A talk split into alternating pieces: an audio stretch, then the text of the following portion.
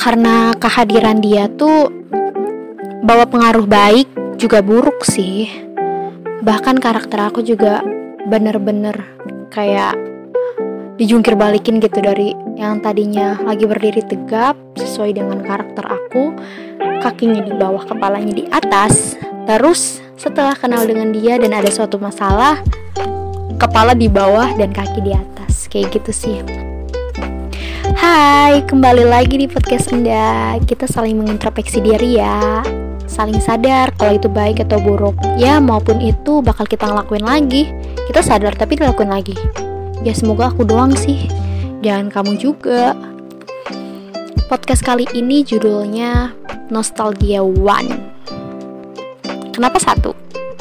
Karena ini adalah orang yang pertama hadir dalam hidupku. Enggak lah, maksudnya sahabat aku yang pertama yang aku anggap sebagai sahabat mungkin? Iya gak ya? Iyain aja lah ya. Kita tuh satu SD yang sama, satu sekolahan yang sama pastinya.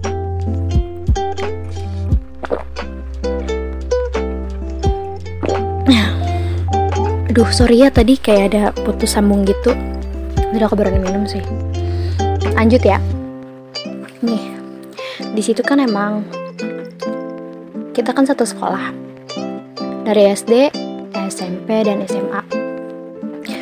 Aku tuh salah persepsi waktu dulu mungkin. Maksudnya aku sekarang kayak mengenal kayak kenal diri aku yang dulu tuh mungkin salah persepsi dan pemahaman. Di situ aku mutusin buat menyukai dia juga. Kan kata temen aku dia suka sama aku, Terus aku berdoa ke Allah supaya aku punya perasaan ke dia. Emang terlihat memaksakan, tapi berhasil. Dengan paksaan itu aku suka. Pas waktu posisi aku suka banget, ternyata ada orang yang ngejar dia dan dia terima. Di situ jadi masalah besar aku dan bahkan aku sampai benar-benar kayak masalahnya tuh kayak gimana ya masalah waktu dulu SMP mungkin gimana sih kalau misalnya kalian tuh kayak dateng ke sekolahan dikatain. Ya semacam kayak gitulah. Terus dikatain sampah terus kayak dikasih dikatain kayak gitulah kayak gini lah gitu. Kayak aku juga sama orang yang ini sama dia ini yang cewek cewek yang udah resmi pacaran sama dia tuh. Dikatain PHO lah apalah itulah. Ya gitu sih masalah dulu. Terus sampai aku dibilang ada satu hal satu kata yang buat aku insecure tapi sekarang enggak sih. Dulu benar-benar insecure sampai hal itu yang buat aku kayak mengeraskan hati aku mengeraskan diri aku buat membela diri itu susah gitu. Jadi kayak ada luka yang dalam di hati aku dan ya gitu. Jadi kayak sakit banget akhirnya. Di situ aku jujur deh pas waktu aku naik ke kelas 9 aku jujur. Lu tau gak sih kan nih aku chattingan sama dia kan nih si cowok ini. Lu tau gak sih kenapa gue kayak gini? Enggak. Gue kayak gini karena lu tahu mungkin di situ dia kayak ngerasa punya salah besar sampai ini bener-bener parah banget sikapnya mungkin dia berpikir kayak gitu. Ini ini per, apa sesuai persepsi aku ya sesuai dengan apa yang aku simpulkan dengan apa yang aku nilai. Aku nggak tahu mungkin dia punya pemahaman yang beda. Mungkin selama ini aku salah paham gitu. Ya udah di situ aku tuh kayak gimana ya? Aduh maaf.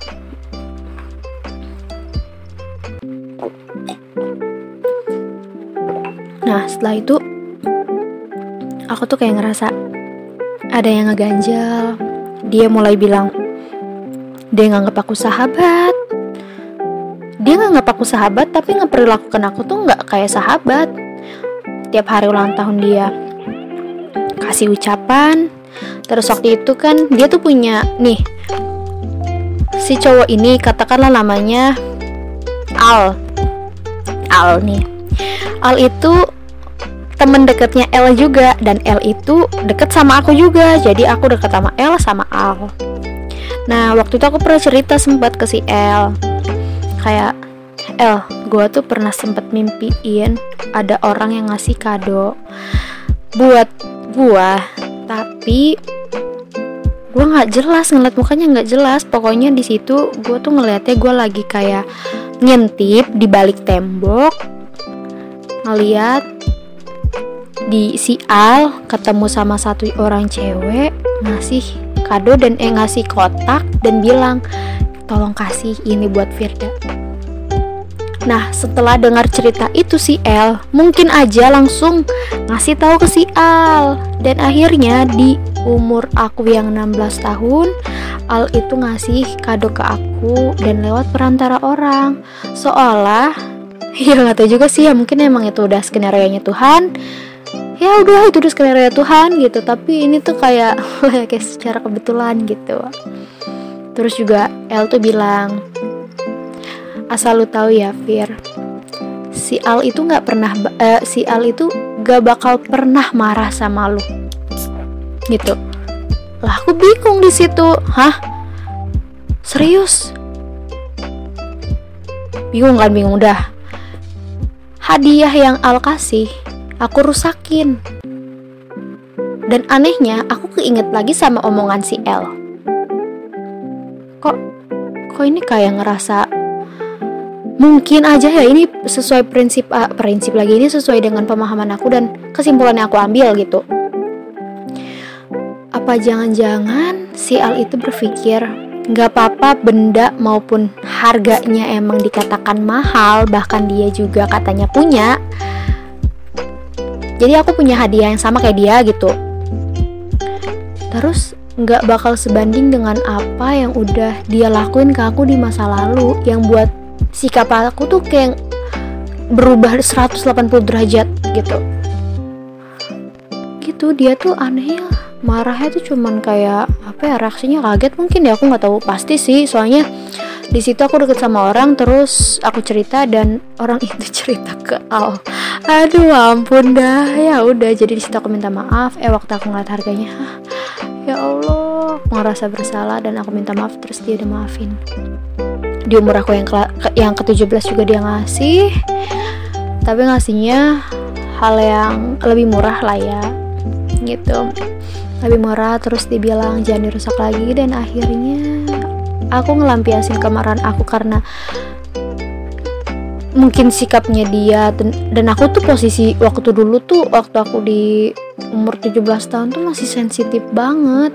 Kayak dia pas-pasan aku nggak nyapa lah tatapannya kayak gitulah. Terus kayak seolah kayak gini lah kayak gitulah pokoknya yang berkaitan dengan dia, dia terus aku marah aku lampiasin ke hadiahnya dia gitu ke hadiah yang dia kasih ke kasih ke aku terus aku rusakin. Dan hasilnya hadiah dia yang kedua aku rusakin juga. Semuanya masih ada aku taruh di kotak sih gitu. Jadi nggak benar-benar hilang kebuang gitu nggak kayak ya udah emang nggak bisa dipakai ya udah udah jadi kenangan aja jadi bubur.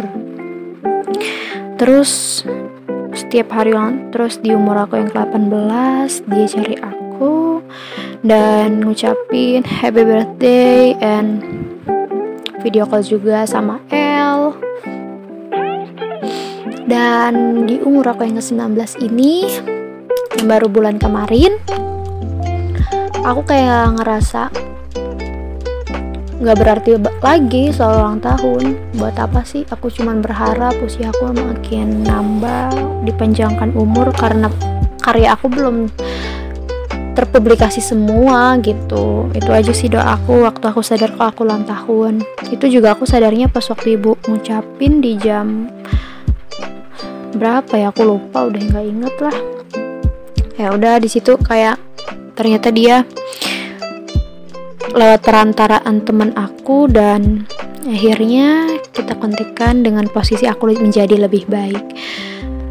Dan sekarang aku ngerasa seneng sih kayak gimana ya masalahnya? Aku tuh nggak mau dia tuh hadir cuman karena pingin ngerubah atau gak ngedorong sikap aku. Ini sesuai pemikiran aku ya ngedorong atau gak membalikan lagi karakter aku yang dulu. Bahkan aku nggak tahu karakter dulu aku kayak gimana. Nggak tahu 100% lah ya mungkin cuma beberapa persen doang gitu.